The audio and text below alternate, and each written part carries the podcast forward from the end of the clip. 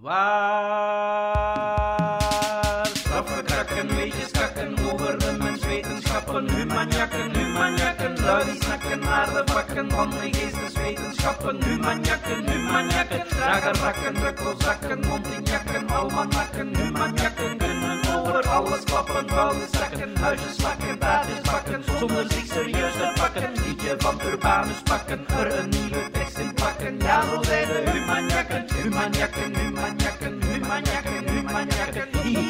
zijn humanjakken, We schrijven vrijdag 3 maart. Vandaag vieren we ons eenjarig bestaan met professor taalkunde en bedrijfscommunicatie Bert Oben. Een heel goede dag. Professor premoderne geschiedenis Maika de Keizer. Hallo. Professor literatuurwetenschap Pieter Vermeulen. Hallo. En twee taal- en geschiedenisnerds, namelijk Bart Verhoeven Hoi. en ikzelf, Stijn van der Stokt. Met al deze fijne mensen gaan we het hebben over wat humaanwetenschappelijk nieuws uit de afgelopen maand. Te beginnen met reuring in literatuurland, Oh, Pieter. oh, oh, oh. Ja, iedereen was boos. Hè. En eh, dat had te maken met Roald Dahl. ehm, met een klein berichtje in een kleine krant. Dat eh, er honderden, eh, was het aantal, de honderden aanpassingen gebeurd waren in het werk van Roald Dahl. En eh, wat daarna gebeurde zal niemand verbazen. Het zat er enorm tegen. het zat er tegen, ja. Dus we hadden weer onze Gentse rectoren, onze Leuvense collega's, onze moraalridders die naar Orwell verwezen, naar Woke verwezen, Ja. die een soort cancelcampagne vermoeden. Ehm, sensitivity reader werd opeens een scheldwoord en ehm, dat is een beetje wat er gebeurd is. Ehm, ik heb daar als, als, als eh, literatuurconsument, eh, zoals elk van ons denk naar staan kijken. Ik heb die... Ja, maar je bent niet alleen literatuurconsument, hè, Pieter? Je bent ook literatuurwetenschapper. Mhm. Dus als wetenschapper vond ik het eigenlijk bijna even interessant als consument. omdat het eigenlijk zo'n beetje voor mij zo wat de typische structuur had van zo'n cancel cultural, eh, cancel culture rel. Ehm, en het idee dat ik daarbij wil gebruiken is een boek dat ik recent gelezen heb van zo'n Duitse literatuurwetenschapper, Adrian Daub heet hij, die zo'n boek geschreven heeft over hoe dat soort rellen typisch eh, ontstaan. En ehm, het eerste punt dat hij, al, dat hij maakt, is dat dat zo typisch gebeurt met iets dat ver van ons gebeurt. Ja, wat kan dat ons in principe schelen wat er met de Engelse edities van Roald Dahl gebeurt? Dat kleine artikeltje in de Ja, krant eigenlijk. Ja, ja. Ehm, Maar dat Het- is, dat is hier toch niet van toepassing, want het gaat Ah. hier wel over een verhaal waar iedereen wel iets mee heeft of zo. iets mee heeft, ja, dat wel. Maar het is bijvoorbeeld ook niet zo dat de Nederlandse edities zouden aangepast worden. Dus de dingen die wij Ja. aan onze onschuldige kinderen voorlezen, zullen er niet veel mee te maken hebben. Ehm, dus het is iets heel anekdotisch. Het wordt dan gebracht door een bepaalde krant. En de krant in kwestie was de Daily Telegraph. Een krant die zich wel specialiseert in dat soort woke-verhalen. Ehm, die hebben zelfs een eigen rubriek die Oh, woke mooi. heet. Waarin ze dan, als er een te weinig gebeurt in de wereld, vragen Jordan Peterson is om te zeggen, Jordan, is er toevallig iets mis met Piers, Piers? Morgan misschien. Ja, Ja. Pierce, wat vind jij van transkinderen? En voor je het weet is de krant gevuld. Als Ja. er iemand van HLN meeluistert toevallig op dit moment, Ja. je weet wat u te doen staat. Ja, En, eh, gewoon een, een woke weekendrubriek lijkt mij gewoon nuttig. Dus je hebt dat. Je hebt iets anekdotisch, je hebt een rechtse krant die dat een beetje framet, en dan heb je social media waarop dat alles ontploft, zonder dat er eigenlijk iemand nog echt weet waar het om gaat. Ehm, maar het interessantste moment in het debat was denk ik deze week, toen, een, ehm, toen het debat eigenlijk al wat voorbij was, maar een Nederlandse journaliste, Loes Rijmer, eigenlijk echt is gaan kijken, is er eigenlijk zoveel aangepast? Zijn de passages die iedereen nu aanhaalt in de pers überhaupt aangepast? Het antwoord is soms wel, maar vaak ook niet. Bijvoorbeeld, er zijn nog altijd in die Engelse edities van eh, de boeken sigaarrokende kinderen. Er zijn nog altijd mensen die uitgescholden worden voor lelijk en dik. Oef, niet allemaal meer. Maar, ehm, dus met andere woorden, eigenlijk vindt zij dat als je naar de teksten kijkt, het gaat om 20 romans, waarin er honderden aanpassingen zijn. Dus dat zijn er een stuk of 10, 15 per boek. Eh, sommige van die aanpassingen, zegt zij, en ik volg haar daar wel in, zijn ook gewoon dingen die een update zijn. Hè, bijvoorbeeld in Roald Dahl wordt er heel, vaak- heel vaak verwezen naar kamermeisjes.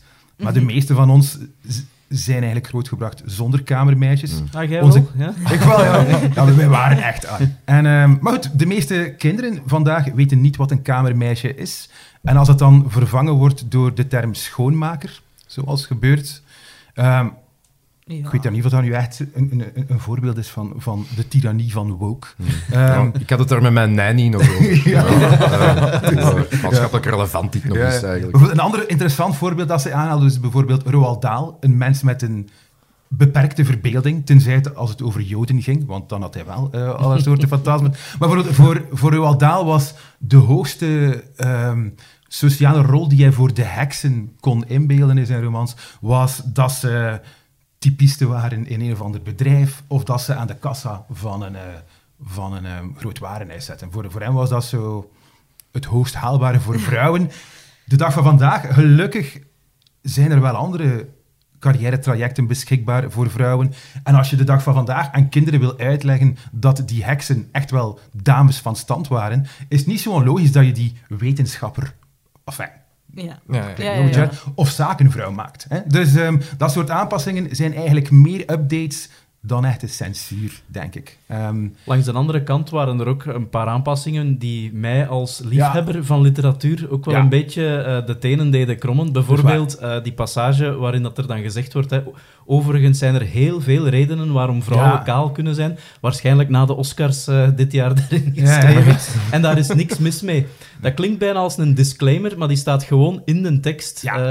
Roald ja. geschreven heeft. Maar ik, zeg, ik heb ondertussen denk ik ongeveer mm, 750 opiniestukken over, eh, over de case gelezen.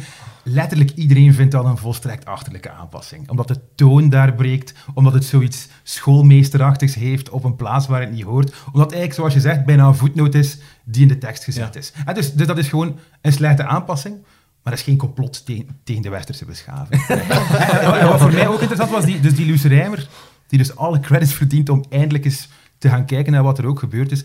Wat zij bijvoorbeeld ook ontdekt heeft, en wat in België niet echt doorgecijpeld was, of toch niet tot bij mij, is dat die herziene uitgaven eigenlijk al acht maanden in de winkel liggen. En dat daar voor de Daily Telegraph de nood voelde om op zijn woke-pagina een keer niet over transkinderen te gaan schrijven. Ehm, Daar eigenlijk letterlijk niemand iets van gemerkt had. Misschien eh, eigenlijk een beetje aan, aan de andere kant van het politieke spectrum is er ook iemand gecanceld. En daar waren de gevolgen misschien wel iets erger. In die zin dat, er, eh, dat het met doodsbedreigingen en al te maken heeft. Eh, in eh, Nederland is Pim, Lemmer, eh, Pim Lammers, eh, de, eh, die het kinderboekenweekgeschenk ging schrijven, Ja. heeft zich teruggetrokken omdat hij doodsbedreigingen heeft gekregen eh, vanuit de rechterzijde dan. Eh, klopt dat, Pieter? Wel, het, het probleem lijkt daar te zijn dat Pim Lammers eh, ooit een verhaal geschreven heeft eh, vanuit het perspectief van een tienerjongen die min of meer amoureuze gevoelens krijgt voor zijn eh, sporttrainer. Ja. Ehm, wat dan vertaald naar rechtse social media betekent dat Pim Lammers een pedofiel is.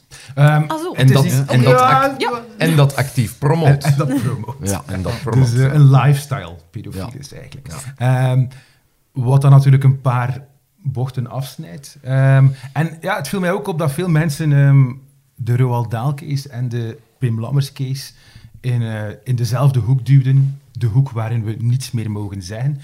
Ik zelf vind er toch een groot verschil tussen een cynisch bedrijf dat een paar adjectieven wijzigt aan de ene kant en iemand die doodsbedreigingen krijgt en zich Ja. daarom terugtrekt als schrijver van het boek Een Weekgedicht aan de andere kant. Ehm, Of ja, het hele principe dat een karakter in een boek Ja.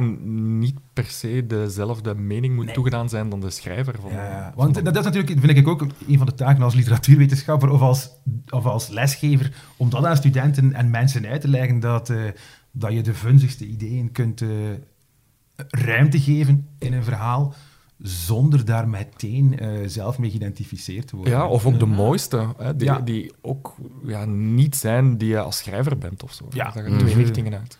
Ja, ik, ik, ik, geef bijvoorbeeld eh, elk jaar les over eh, Lolita van Nabokov. Een Mhm. boek vol onreine gedachten en perverse bewegingen. Maar eh, de meeste van de studenten zijn natuurlijk wel, ik zou zeggen, niet alleen slim genoeg, maar ook niet zo cynisch dat ze alleen maar tweeten dat mensen pedofielen zijn.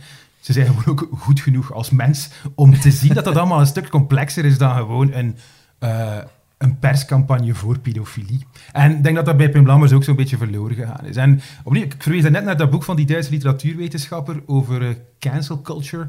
Wat hij daar ook uitlegt, is dat het probleem met dat idee van cancel culture is ook met de term culture. Alsof dat er zo'n soort tendens is die volledig algemeen is en allemaal in dezelfde richting gaat, namelijk dat je niets meer mag zeggen. Ehm, wat hij zegt is, ja, dat soort cultuur bestaat niet. Je hebt Ja. rechtse freaks die weigeren om eh, mensen die moeilijke thema's in een tekst behandelen, zoals pedofilie, of amoureuze gevoelens voor mensen die eh, niet ook minderjarig zijn. Ehm, ja, oké, maar ik wil maar zeggen, ehm, dat is echt niet deel van dezelfde cultuur als een cynisch Netflix dat eh, beslist om een paar woorden te gaan verschuiven. Dat zijn twee heel verschillende tendensen en denk niet dat we daar veel, veel links kunnen tussen zien, behalve, denk ik, het feit dat social media in Ja. beide gevallen eigenlijk de soort brandversneller is. Hè. Ja. Eh, anders hadden we hier gewoon gehad over een klein krantenartikel en waren we al lang over geschiedenis aan het praten hier. Ehm, en over iemand die een boze brief naar Pim geschreven had. Maar nu hebben we twee rellen die volledig uit de hand gelopen zijn. En waarin Pim Lammers dan via social media ook gewoon doodsbedreigingen gekregen heeft. Die naar, eigen zeggen, naar zijn zeggen echt eh, enorm ranzig waren. Dus, ehm, dus ik denk dat, dat we hier meer over social media dan over literatuur leren. Ja. Misschien. Ja, ik denk ook dat eh, duidelijk is dat daar dan zeker de grens moet liggen hè, bij die doodsbedreigingen enzovoort. Ja. Dat is echte cancel eh allee, culture, wou ik bijna zeggen, maar ik mag dat niet meer zeggen. Van mij mag je mag niks niet meer zeggen tegen Nee.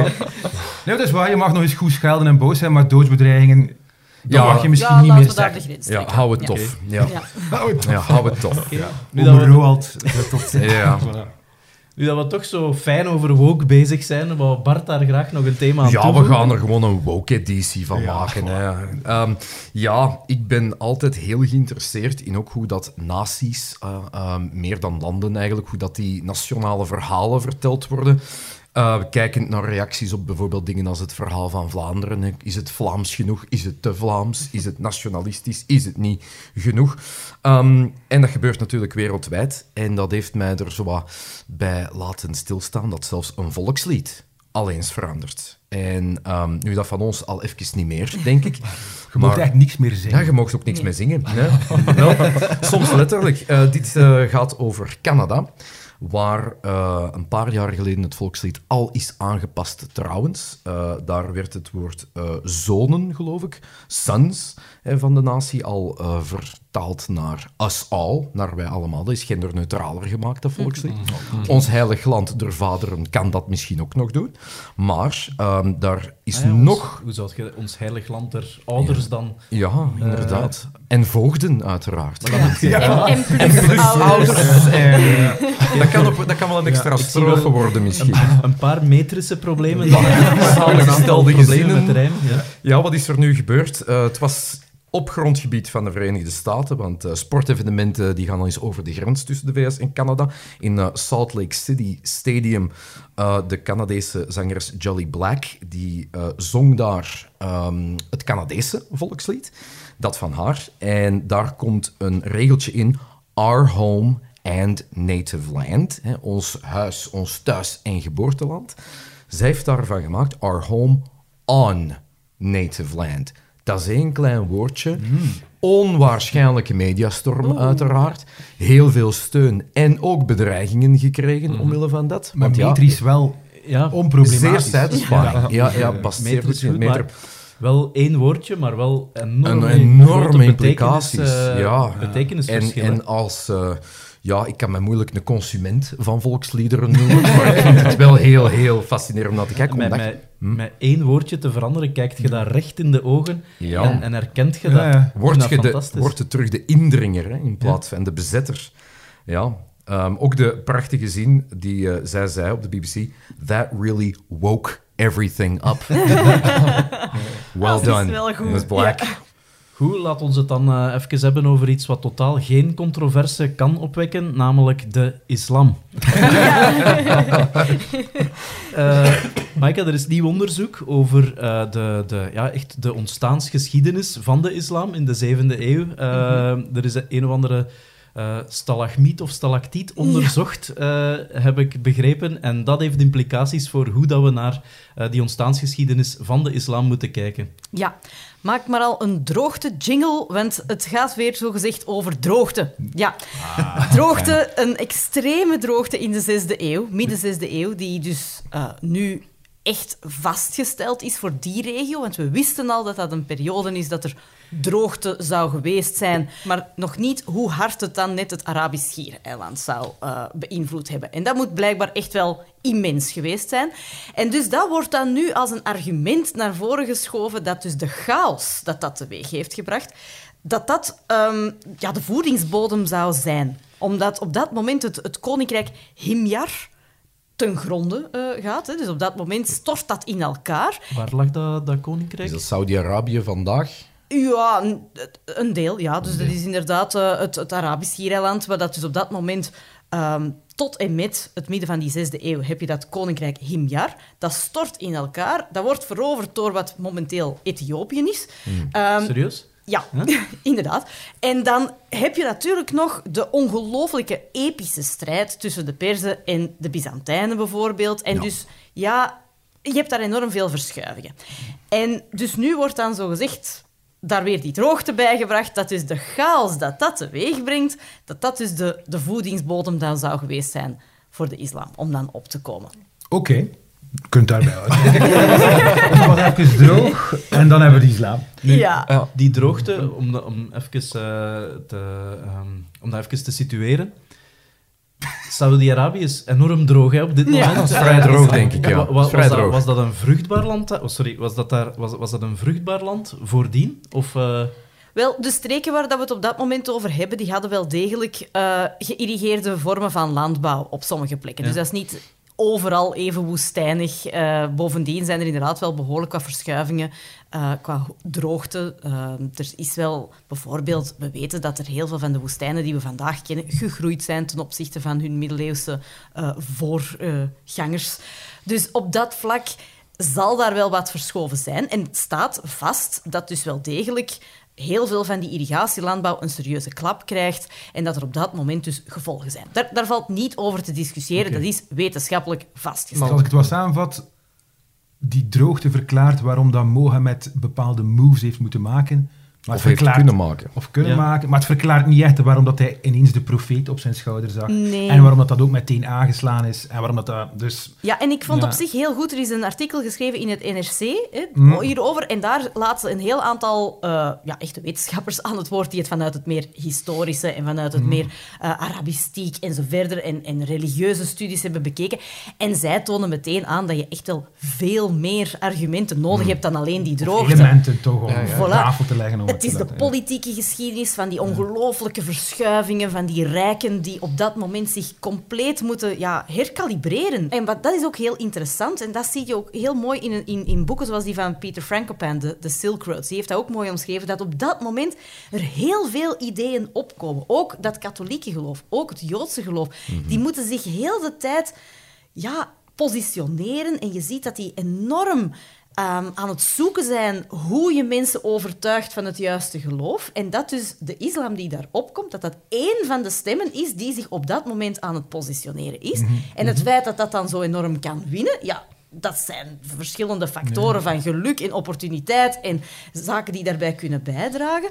Ehm, maar je ziet dat dat inderdaad een perfecte voedingsbodem is, sociaal, economisch, cultureel en politiek. En je mocht daar nu eens droogte aan doen. Fine. maar waar kwam dan de, de islam precies vandaan? Wordt dat ook ergens gezegd? Of? Dat wordt daar in dat artikel in ieder geval niet gezegd. Maar ik vind het wel heel interessant, omdat bijvoorbeeld dus in die Silk Road van Peter Frankopan, dat boek, wordt dat bijvoorbeeld wel heel duidelijk aangetoond, dat een van de absolute fundamenten van in het begin van die Oema, van die geloofsgemeenschap, is eenheid. Dat hij daar eenheid in wil brengen. En dat past natuurlijk wel voor een, een, een streek waarbij je ziet dat ze heel lang uitgespeeld worden. Je hebt die Perzen, je hebt die christenen die dat proberen om dat gebied aan hun kant te krijgen. En die spelen altijd al die kleine stammen tegen elkaar uit. En dus wat je ziet is dat die, die eenheid van het geloof met een nieuwe taal, met een nieuwe cultuur, die dat dan op die manier een identiteit vormt, dat dat echt wel past bij een streek die heel lang zoekende is geweest van waar staan wij hier? En Mhm. wij worden onder de voet gelopen. En dat dus die aspecten ook wel heel interessant zijn om te verklaren waarom het dan uiteindelijk zo populair is geworden en zoveel mensen heeft kunnen overtuigen. Het is ook een theologische eenheid, hè, want natuurlijk, wat, wat neemt die islam meteen? Ja, bouwt verder op een eh, monotheïstische geloofstraditie, die Mhm. natuurlijk heel sterk aan het ontwikkelen is rond die tijd. En ook dat helpt in het Ja. verenigen van die stammenculturen, want dan heb je niet meer je plaatselijke goden en idolen die getolereerd worden, maar één en dezelfde oppergod. Ja, en wat ook wel heel interessant is, er wordt heel vaak gezegd van, kijk, de islam maakt een einde aan het polytheïsme. Hè. Dat, is, dat was daarvoor pagans en zo verder, want ook bijvoorbeeld in Mekka is dat een Ja. pelgrimsplek. Maar wat ondertussen ook wel is aangetoond, is dat er al heel veel monotheïstische godsdiensten op dat moment daar plaatsvonden en dat de pre-islamistische geschriften, ook al in het Arabisch, al beginnen te verwijzen naar ideeën van één god. En dat dat dus helemaal niet uit het niets komt. hè, Want dat is dan ook Ja. de titel eh, van dat artikel in de NRC. De islam valt niet zomaar ineens uit de hemel. Het is iets van zijn tijd. Het past van, bij een zoektocht die er al plaatsvindt op religieus vlak, op politiek vlak, op economisch vlak. En het brengt heel veel van die ideeën en die noden bij elkaar. Oké, terug naar Europa. Laten we, het ons, eh, laten we het eens hebben over Germaanse en Romaanse talen. Want Bert, er is onderzoek eh, gebeurd. Ehm, naar het schijnt worden Romaanse talen mooier bevonden dan Germaanse talen. Ja, dat klopt. Ik denk dat dat misschien wel met eh, de intuïtie overeenstemt of zo. Dat Italiaans mooier is dan Duits of zo. Ik ben het er ook wel echt mee eens. Ehm, Ja.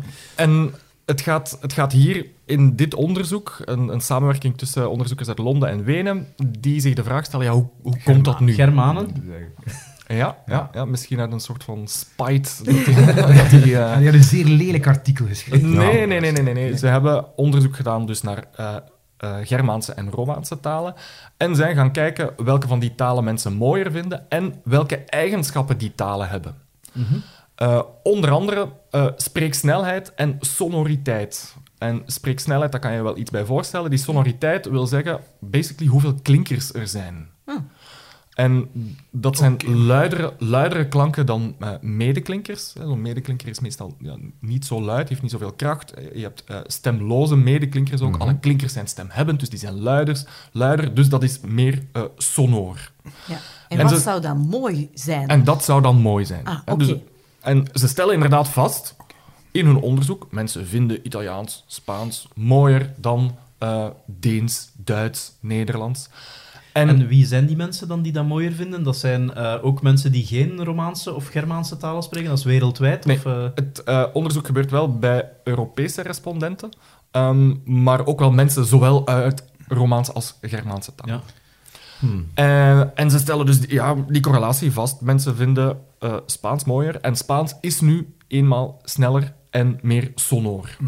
Goh, maar ja, correlatie is niet per se... Eh, juist. Ja, Juist. causaliteit. Hè? Dat En- is toch niet hetzelfde. Nee, En de ehm, associaties met die talen en landen zijn een Heel stuk juist. positiever, En want daarom- de zon schijnt daar. en daarom Ook al. En daarom deze Ja, studie. hè. Daarom deze studie, want nu passen ze toe op minder bekende talen. Hè, talen waarbij je misschien op voorhand niet, die je niet herkent. geen sterk Ah, ja, ja. En niet al op voorhand een, een idee over hebt. Ja. Hè, zoals het, het, het Welsh of het Albanees, Roemeens. eh, Roemeens enzovoort. Eh, en ze gaan eigenlijk net hetzelfde doen. Audiofragmenten voorleggen aan mensen. Gaan kijken of eh, welke talen er als beter beoordeeld worden. En daar komt ehm, eigenlijk net het tegendeel uit. Ah, Ehm, interessant. er is, er, misschien eerst eens kijken naar welke talen er dan als mooist ehm, beschouwd worden. Dat zijn het Grieks, het Oh, Baskisch en het Zweeds.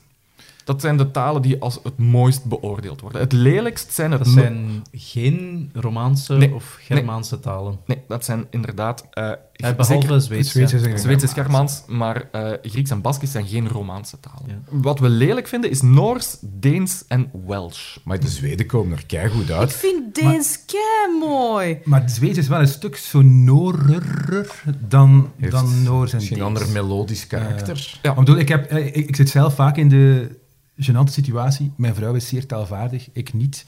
Dat ik zo talen van andere mensen hoor en dan zeg kijk, dat is een Italiaan. En dan mijn vrouw gaat luisteren en zegt, dat zijn Zweden. En, eh, dus Pieter, dat is een koppel uit de Kempen. Nee, maar waarmee ik maar wil zijn, het verwondert mij niet dat Zweeds daar als, als wereldkampioen sonoriteit Ja, uitkomt. ja. Want dat is eigenlijk een Germaans taal met alle charmes van, Ja. van een Romaans taal. Ehm, En Zweeds- daar stond de discussie. Nee, nee, nee, daar stopt de discussie niet, want. Zweeds, Zweeds doet het dubbel goed. Ze hebben niet alleen gevraagd wat vind je de mooiste taal, maar ook wat vind je de meest statusrijke taal, prestigerijke taal. En dat zal dat Grieks niet zijn, in ieder geval. Nee, maar wel het Zweeds opnieuw. Ah, dus het Zweeds Zweeds. wordt zowel als mooi als als prestigerijk eh, eh, ingeschat. En het, het, eh, het vreemde hier is misschien ook dat Noors en Deens, die als lelijk beschouwd worden, ook in de top drie zitten van de meest prestigerijke, statusvolle talen. Wat ze hier aantreffen, is dat eh, dat effect van die sonoriteit en die spreeksnelheid volledig afwezig is. Ja. Dus het is niet zo bij die onbekende talen dat de snel gesproken talen en de sonore talen, dus die met veel klinkers en weinig medeklinkers, zoals in het Welsh of zo, waar je hele reeks van medeklinkers op een rij kan hebben. Ehm, Ik heb daar zo'n het langste dorp ter ja, wereld, ja, ja. Ja, ja, ja, of, of Russisch of zo. Planfire Ze, ze hebben, Gwynwith, ze- en dan hebben weet ik het, eh, En dan nog een kwartiertje. ze hebben het perron twee keer zo lang moeten maken om Ja. dat bord erop te krijgen. Dat is inderdaad zo'n iconisch beeld waar heel Ja. veel medeklinkers in Nu, zitten. het Grieks heeft eigenlijk bijna alleen maar i's. En voor de rest zijn die extreem snel. Dus Ja. daar heb je het wel. Maar overal, over de Ja. hele dataset bekeken, eh, speelt die spreeksnelheid en eh, die sonoriteit geen rol. Is er geen verband. En dus moeten de eh, onderzoekers eigenlijk terugkomen op hun eerdere stappen in een eerder onderzoek en toegeven dat dat wat talen mooi maakt, eigenlijk vooral ons idee over het land is. hè. We vinden Italiaans Ja, maar ja, mooi dat omdat is- we Italië cool vinden en niet omdat... Branding, hè? Ja, en niet omdat dat mooie klanken heeft Ja. of zo. Ja. Of, of, akoestische eigenschappen aan heeft dat we mooi vinden. En aan de zon en het Colosseum op de achtergrond. Germaanse of Romaanse talen, eh, maakt niet uit. We weten allemaal dat het Brabants de mooiste taal ter wereld is. En eh, Dankjewel. de beste ambassadeur voor het Brabants is natuurlijk Tom Waas. Ja, Bart, jij wou het nog hebben over eh, die befaamde tussentaal van Tom Waas die hij gebruikt in, eh, in het in verhaal, het verhaal van Vlaanderen. Vlaanderen. Ja, het is een bredere discussie dan dat. Hè. Ehm, ik vind dat zelf ook als docent Nederlands. eh, ik geef zelf ook nog steeds Nederlands, voornamelijk aan anderstaligen. Heel interessant als discussie. Waar ligt de focus nu het best? Standaard Nederlands, tussentaal. Het is ook geen of-of verhaal. Er zijn ook nog onze dialecten natuurlijk. En ik kwam een, ehm, niet echt een opiniestuk, maar een heel mooi overzicht tegen in eh, Knak van eh, midden februari van de onvermijdelijke Walter Pauli, die daar Vrede ja, zijn met hem. inderdaad, die een hele mooie eh, overzicht, een heel mooi overzicht geeft van ehm, ja, de evolutie standaardtaal in tv-series die het heel goed doen, naar eh, de rol van dialect in pop, eh, populaire cultuur. Dingen zoals Schipper naast Mathilde, kapitein Zeppos. Kapitein Zeppos dat heel overdreven standaard Nederlands gebruikte, naar eigenlijk eh, Sam Goris en zijn basketsloefjes. En dan de discussie met, eh, met Tom Waas. En Geert Bourgeois had daar ook zijn beklag over gedaan.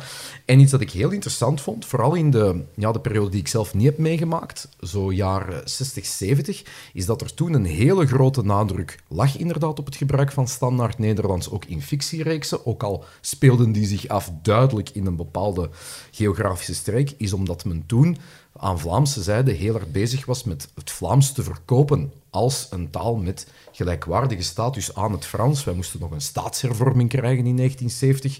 hè, Van onder Gaston Eiskens was dat nog. Dus dat had nu eenmaal een politieke agenda. Wij moeten laten zien dat wij een ernstige taal zijn.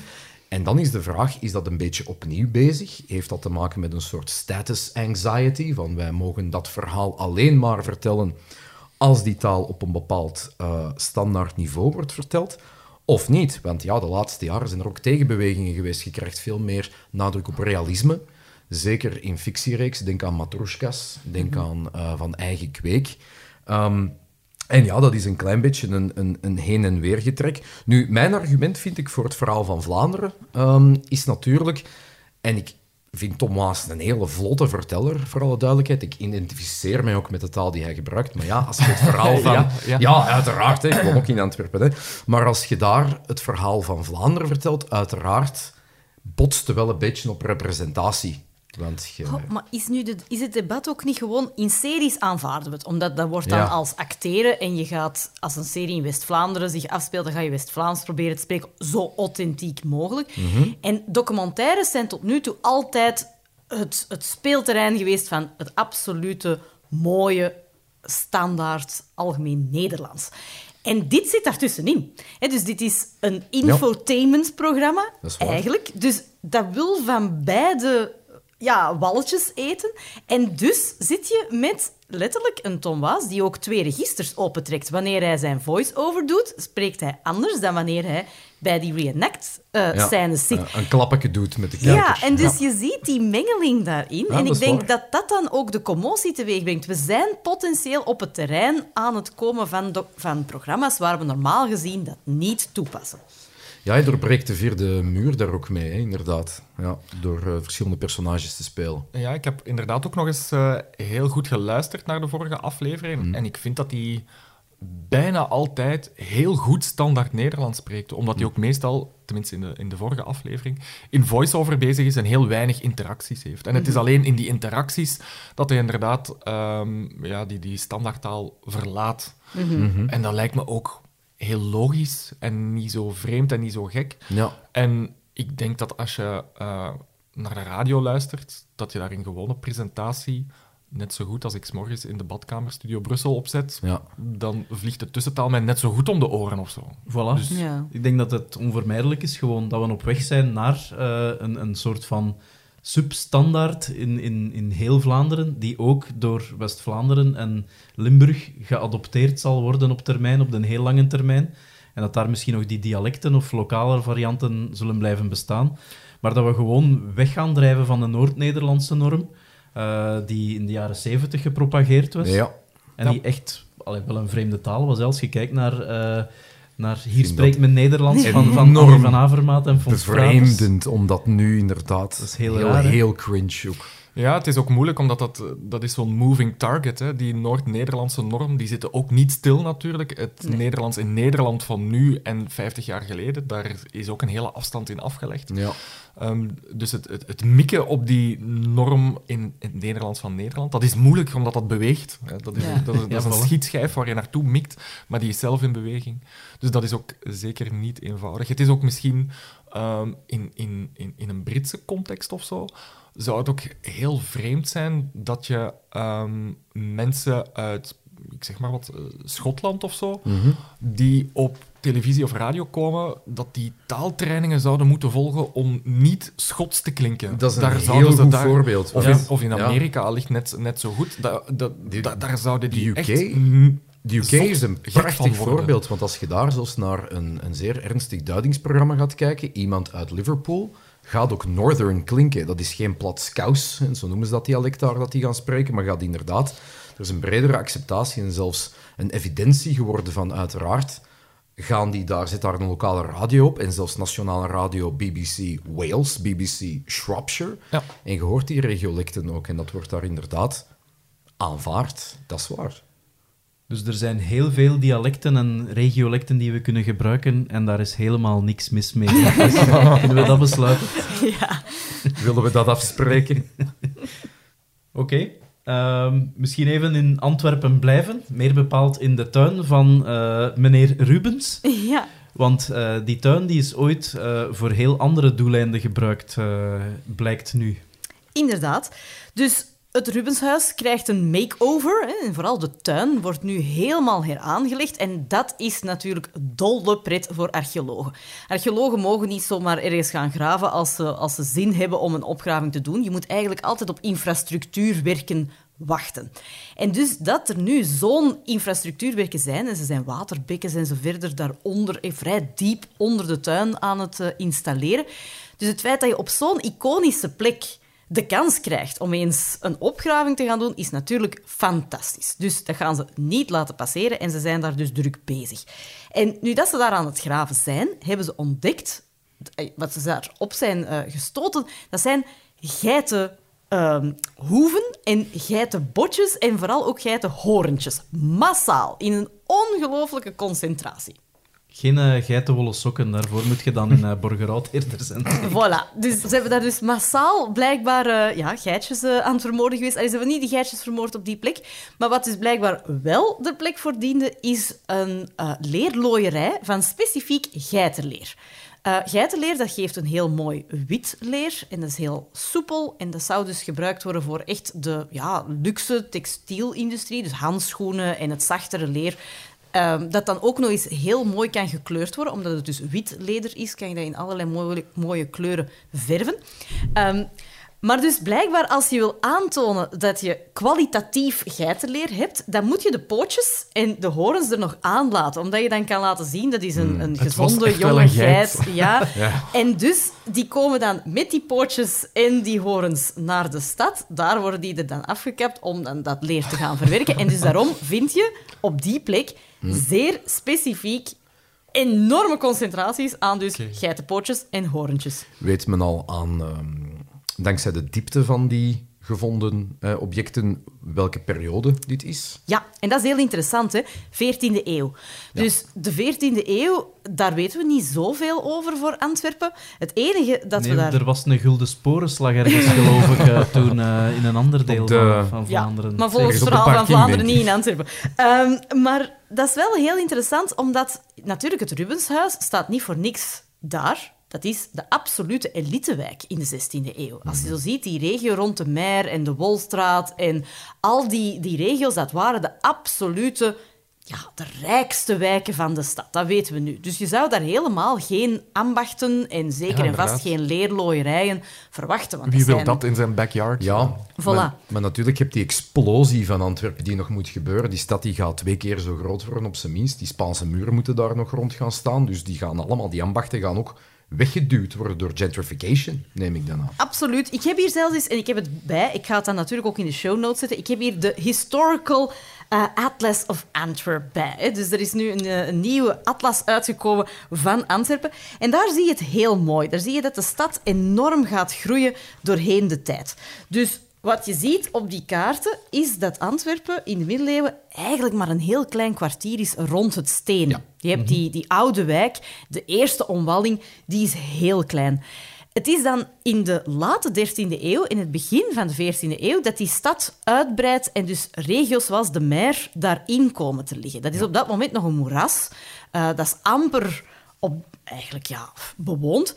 En wat je natuurlijk kan zien, is dat ambachten altijd in die periferie gaan zitten. Omdat, ja, dat stinkt, dat Ja, brengt hinder met zich mee. Ja, voilà. Huidenvetters en zo. Dat is verschrikkelijk. Huidenvetters. Dat is altijd aan de rand van de stad. En op dat moment, in die 14e eeuw, is dat dus de rand van de stad. Dat, Ja. is zijn, dat zijn dus de nieuwste wijken waar nieuwe concentraties van bewoning, maar ook economische activiteit kunnen plaatsvinden. En dus op dat moment zal dat zeker en vast niet het rijkste deel van de Tram stad 7 geweest zijn. stopte daar zelfs nog niet. Dat ging zover nog niet. Nee. Zeker en vast niet. Dus op dat vlak zie je dan ook mooi hoe dat steden enorm kunnen evolueren. Van plekken die dat, ja, bijvoorbeeld het, het eilandje en zo verder, eh, de, de plekken die dan nu vaak heel rijk zijn, daar waren vaak heel vervuilende activiteiten. Ehm, zeker en vast ook het zuid van Antwerpen was altijd een van de armste regio's van de stad Ja, die Antwerpen. vervuilingsproblemen zijn gelukkig opgelost in Antwerpen. Daar hebben we nu Oh toch ja, niet ja. veel last niet meer van. toch niet van leerlooierij. dat niet meer. Dat niet meer. nee. Ja. Maar goed, dan komen er allemaal mensen met houthakkershemden eh wonen die lattes willen drinken en dan moet iedereen ver- verhuizen naar de buitenwijk. Hoppakee, terug verder. ja, absoluut. Ja, het laat wel heel mooi zien dat dit... En, hè, want eh, Antwerpen krijgt natuurlijk daar heel vaak eh, ook kritiek op. Hè, dat, eh, dat de gentrification heel, eh, ja, heel agressief doorzet. Maar het is inderdaad een... Niets continu- nieuws onder de zon. Nee, nee. Ja. Het enige wat je wel moet zeggen is dat de, dat de ongelooflijke homogeniteit dat wij in sommige wijken nu hebben, dat dat toen wel niet bestond. Je had enorm rijke straten, je had enorm rijke wijken, maar de, het was nooit zo dat je kon zeggen, dit is een uitsluitend rijke buurt. Dat is wel iets dat op dat moment niet bestond. Je hebt zeker in de hoofdstraat, bij de grote gebouwen en dan de mooie gebouwen, dat zullen dan de rijke mensen geweest zijn, maar in de achterstraatjes en zo verder, op een boogscheut van de allerrijksten, Ja. had je ook enorm arme eh, gezinnen. En dat is natuurlijk omdat de wallen, hè, dus er woonden 100.000 man op een bepaald moment binnen die zeer beperkte wallen, ja, dan moet je die mensen wel ergens zetten. En dat is dus altijd in superdichte nabijheid van de rijkeren. Maar dus in de 14e eeuw zal zeker en vast, dus de 14e eeuwse Rubens zou niet daar zijn gaan zitten voor zijn huis. Hè. Dus dat wil wel echt zeggen dat tussen die 14e en die 16e eeuw er een enorme verschuiving is geweest van die stad. En dat je dus een totaal ander soort bewoning en sociale ja, compositie van die wijk ziet. Oké, iets anders dan. Geniepige taalkundigen hebben gevolgd wat er in de dokterskamer tussen dokters en patiënten gezegd wordt. Heel juist. Het was echt wel eh geniepig inderdaad. Het gaat om, om echte arts-patiënt eh, gesprekken. En dat is in dat soort van onderzoek vaak in rollen spelen tussen studenten in opleiding of zo. hè. Maar dit gaat over echte gesprekken eh, tussen artsen en patiënten. Waren die mensen daarvan op de hoogte? Eh, ja, die zal ongetwijfeld op Het is de, niet op dat de er gevoelige informatie passeert Ja, in een medisch of zo. consultatieruimte. Ja. Ja, dus als ze over hun aanbijen aan het vertellen waren, wisten ze, er Ja. luistert hier een of andere taalkundige mee. Inderdaad, Ja. inderdaad. En er, Hopelijk komen mijn aanbijen in een podcast. bij deze. Kijk eens aan. Ja, Voilà. bij deze. Ehm, er waren eigenlijk twee groepen die er onderzocht werden. Aan de ene kant mensen die ehm, langdurige klachten hebben, waarvan het onduidelijk is wat de oorzaak was. En mensen die eenmalig komen, die om één heel afgebakend probleem komen. En de vraag in dit eh doctoraatsonderzoek van Inge Stortenbeker was... ehm, kijken of het een aptoniem is. Ja, aan het denken, Stortenbeker, geen- nee. mm, mm. Gewoon een keigoeie naam. ook niet. Ja, ja. Ehm, in ieder geval, de vraag was of eh, zowel de patiënten als de artsen anders spreken in een situatie waarbij er zo'n langdurige klacht is in vergelijking met gewoon eenmalig één feitje waarvoor je naar de dokter gaat. En eh, aan de kant van de patiënten alleszins werden er geen verschillen vastgesteld. Er is bijvoorbeeld gekeken naar eh, zogeheten intensifiers. Je zou kunnen verwachten dat mensen die heel vaak teruggaan om dezelfde klacht, dat die de zaken als groter voorstellen of zo. Het is, het is echt heel, heel erg. Eh, of serieus veel pijn of zo. En Fucking pijnlijk. Ja, dat, dat soort van uitdrukkingen. Eh, die intensifiers zijn er zowel bij de ene als bij de andere groep. Hè. Dus of je nu eh, terugkomt voor een herhaalde klacht of één keer komt, geen verschillen daar. Ook in termen van of je de, de eerste persoon of de derde persoon gebruikt. Hè. Ik, ik, heb, eh, ik heb pijn aan mijn arm of mijn arm doet pijn. Ah, ja. Dat soort van verschillen in uitdrukkingen. Of negaties, hè. worden er meer of minder negaties gebruikt? Nee, er bleek geen taalkundig verschil te zitten tussen die twee bestudeerde groepen. Omdat je eigenlijk, of dat je nu lang zi- ziek bent of kort ziek, je voelt je altijd even slecht. Ja, en het doel blijft hetzelfde. Proberen duidelijk te maken wat er, eh, wat er aan de hand is. Maar het is wel een legitieme vraag natuurlijk. Want er komt voor die mensen die langdurig eh, een issue hebben, ja, komt er wel iets bovenop. Die onzekerheid van wat, En- is, wat is dit hier nu? En frustratie. En frustratie. Ja. Maar dus aan de kant van de eh, patiënt waren er geen verschillen tussen die groepen, maar wel aan de kant van de arts. En Meer irritatie. en ja, meer negatieve Jij uitdrukkingen. Nee, Ja. nee, nee niet, niet, niet in die richting, gelukkig. gelukkig.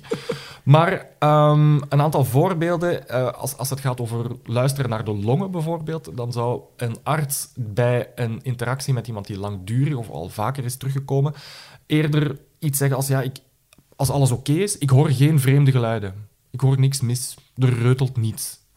Terwijl bij een eenmalige klacht gaat de arts vaker zeggen, die longen klinken zuiver, Ah ja. prima, alles in orde. Ah, ja. Dus je ziet artsen eerder lijstjes afgaan van ja, oké, het is niet dit en dit is het ook niet, maar daarmee benoem je wel telkens de dingen die het hadden kunnen zijn. Ah, ja. En ehm, dat is dus het verschil dat ze merken in het taalgebruik van die artsen, dat die ja, meer van dat soort negatieve uitdrukkingen eh, gebruiken. Is dat dan erg, zou je Ja, kunnen... dat was ma- mijn maakt vraag. Dat, maakt dat nu uit? Maakt dat dan patiënten depressief door Ja. dan toch al die dingen te benoemen? Wel, Elke keer te zeggen, nee, nu, u heeft geen kanker, Ja, meneer. ja, inderdaad. Eh, blijf je misschien eh, benadrukken dat die mens eh, denkt dat hij kanker heeft. hè? Ja, heel juist. En eh, het, het maakt inderdaad een verschil. Want de mensen hebben telkens op voorhand een gestandaardiseerde vragenlijst over angst ingevuld. eh, en achteraf, om dan het verschil te meten tussen voordat ze naar de dokter gingen en als ze ervan eh, eh, van terugkomen. En je ziet inderdaad bij die artsen die, die negatieve formuleringen gebruiken, dat, er, dat die angst hoger ligt dan bij artsen die dat niet doen. Dus het maakt wel degelijk Mhm, uit. En ze hebben dat ook nog in een experiment achteraf in een ge- ja, gecontroleerde omstandigheden eh, dat resultaat herhaalt, dat die angst inderdaad wel toeneemt als je ja, dat soort van negatieve Mm. uitdrukkingen benoemt wat er niet aan de hand is. Dat Dus u heeft geen kanker vervangen door u bent helemaal kankervrij. Goed nieuws. Eh, u bent helemaal gezond. Alles Ja. is prima. Dus misschien niet, dit voelt niet meteen als een tumor. ja. ja, ja, eerder, eerder vermijden dus. Eerder, u heeft fantastische nieren. Ja. Zelden, Ja. zelden zo'n alvleesklier gezien. Benijd u mild. Ja. Goed, dan eh, gaan we over naar de verkiezing van het aptoniem van de maand. Eh, Right. Helaas zonder Pieter erbij, want er is een pracht aptoniem doorgestuurd door zijn vader. Ah, oké. Dankjewel, papa van Ehm, Pieter. Inderdaad, Philip Vermeulen die heeft naar de eerste aflevering van de Nieuwe Vermeer eh, op NPO 1 gekeken. Dat is een programma waarin dat, ehm, kunstenaars een verloren werk of een eh, oud werk van eh, de grote schilder Vermeer eh, proberen te reproduceren. Of er ja, creatief mee aan de slag eh, gaan. En een van die schilders eh, die opgevoerd werden in die eerste aflevering had een heel toepasselijke familienaam. Hmm. De voornaam is Nart en de familienaam is Ben iets wat Sales. I- Inderdaad, iets Oh. was... Nee, nee, nee, niet Ah. penseels, maar iets, wat, maar iets wat schilders heel vaak gebruiken. Ezel. Verf, Eh Eh, zoek in de richting van penselen. Mm. kwast. Potlo- Ja, inderdaad. Oh, mooi, mooi. Oh, ja, dat vind ik een mooi. Nartkwast. Nartkwast. Nartkwast is Oh. een schilder. Die, ja, die Nederlanders zijn zo goed in namen. Hè. Ja. Fantastisch, hè? Dit- dat is gewoon één en al aptoniem. Maar er zijn nog wel wat inzendingen is deze, is deze maand. Eh, er is er een ingezonden door eh, Nicolas Gerlo. Eh, er is namelijk een boot gekapseist voor de kust van Engeland. Minder goed nieuws natuurlijk. Mhm. Maar daardoor hebben we wel de waarnemend directeur van, de mari- van het Maritiem Reddings- en Coördinatiecentrum eh, eh, leren kennen. Je ziet een Engelse En- naam. Nee, het is, eh, dat, die mensen zitten in Oostende. Ja. Eh, dus de man heet eh, Dries. Dus de baas van het eh, ja, Maritiem eh, Reddings- en Coördinatiecentrum heet Dries. En zijn familienaam is heel toepasselijk. Zeedijk? Eh, SOS. nee. Een mooie geweest. eh. Water. het, heeft, het heeft meer met ja, de, de dingen die hij moet gaan redden op zee eh, Ah. te maken. De boot. Bijna. Boot. Bots? Boots. Ja, Boots, dus eh, ja. Dries Boots Oké. is waarnemend directeur. Wordt moeilijk tussen kwast en boot. Maar tot nu toe... Ja, nee. Oké, Maar de wacht. volgende. Maar goed, er zijn nog inzendingen. Eh, een inzending van Melina de Dijn eh, over iemand die onderzoek doet naar pick-up lines. Dus eh, eh, de Ja. befaamde eerste zinnen die je moet zeggen tegen een partner op een date, eh, is gebeurd door een persoon met een heel toepasselijke naam. Eh, de voornaam is Daria. En eh, de familienaam allitereert zelfs. Casanova. Oh, ik wou net hetzelfde zeggen. Het is een Engelstalige naam en de familienaam allitereert met Daria. Hmm. En het is Date. een- bijna, ja. Dating. Dater. Dater. Oh. Daria Dater Daria Dater. doet onderzoek naar dating. Oh, dat vind ik toch ook wel goed. Ja. De alliteratie is nog een mooi een surplus pluspunt, hier. hè? Ja. Ehm, er is ook een eh, eh, enorme aardbeving gebeurd in Turkije de afgelopen maand natuurlijk. Eh, dat is verschrikkelijk. Daar zijn enorm veel mensen omgekomen. En Syrië.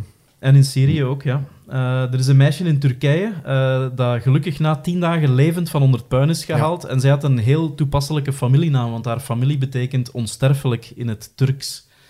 Eh, Wauw. Voornaam is Alena en de familienaam, ja, jullie Ja. kennen Eh, Ja. Oh, Goh, ja. Ik ken een paar woordjes niet Turks, maar niet voor onsterfelijk. opname. Ulmes. Eh, Ulmes betekent blijkbaar eh, onsterfelijk. Eh, Wauw. En die persoon is dus nog levend van onder het puin gehaald na tien dagen. Oh. Straf. Dat is fenomenaal. Ja. Beide, Ja. zowel de naam als uiteraard het feit dat zij nog leefde.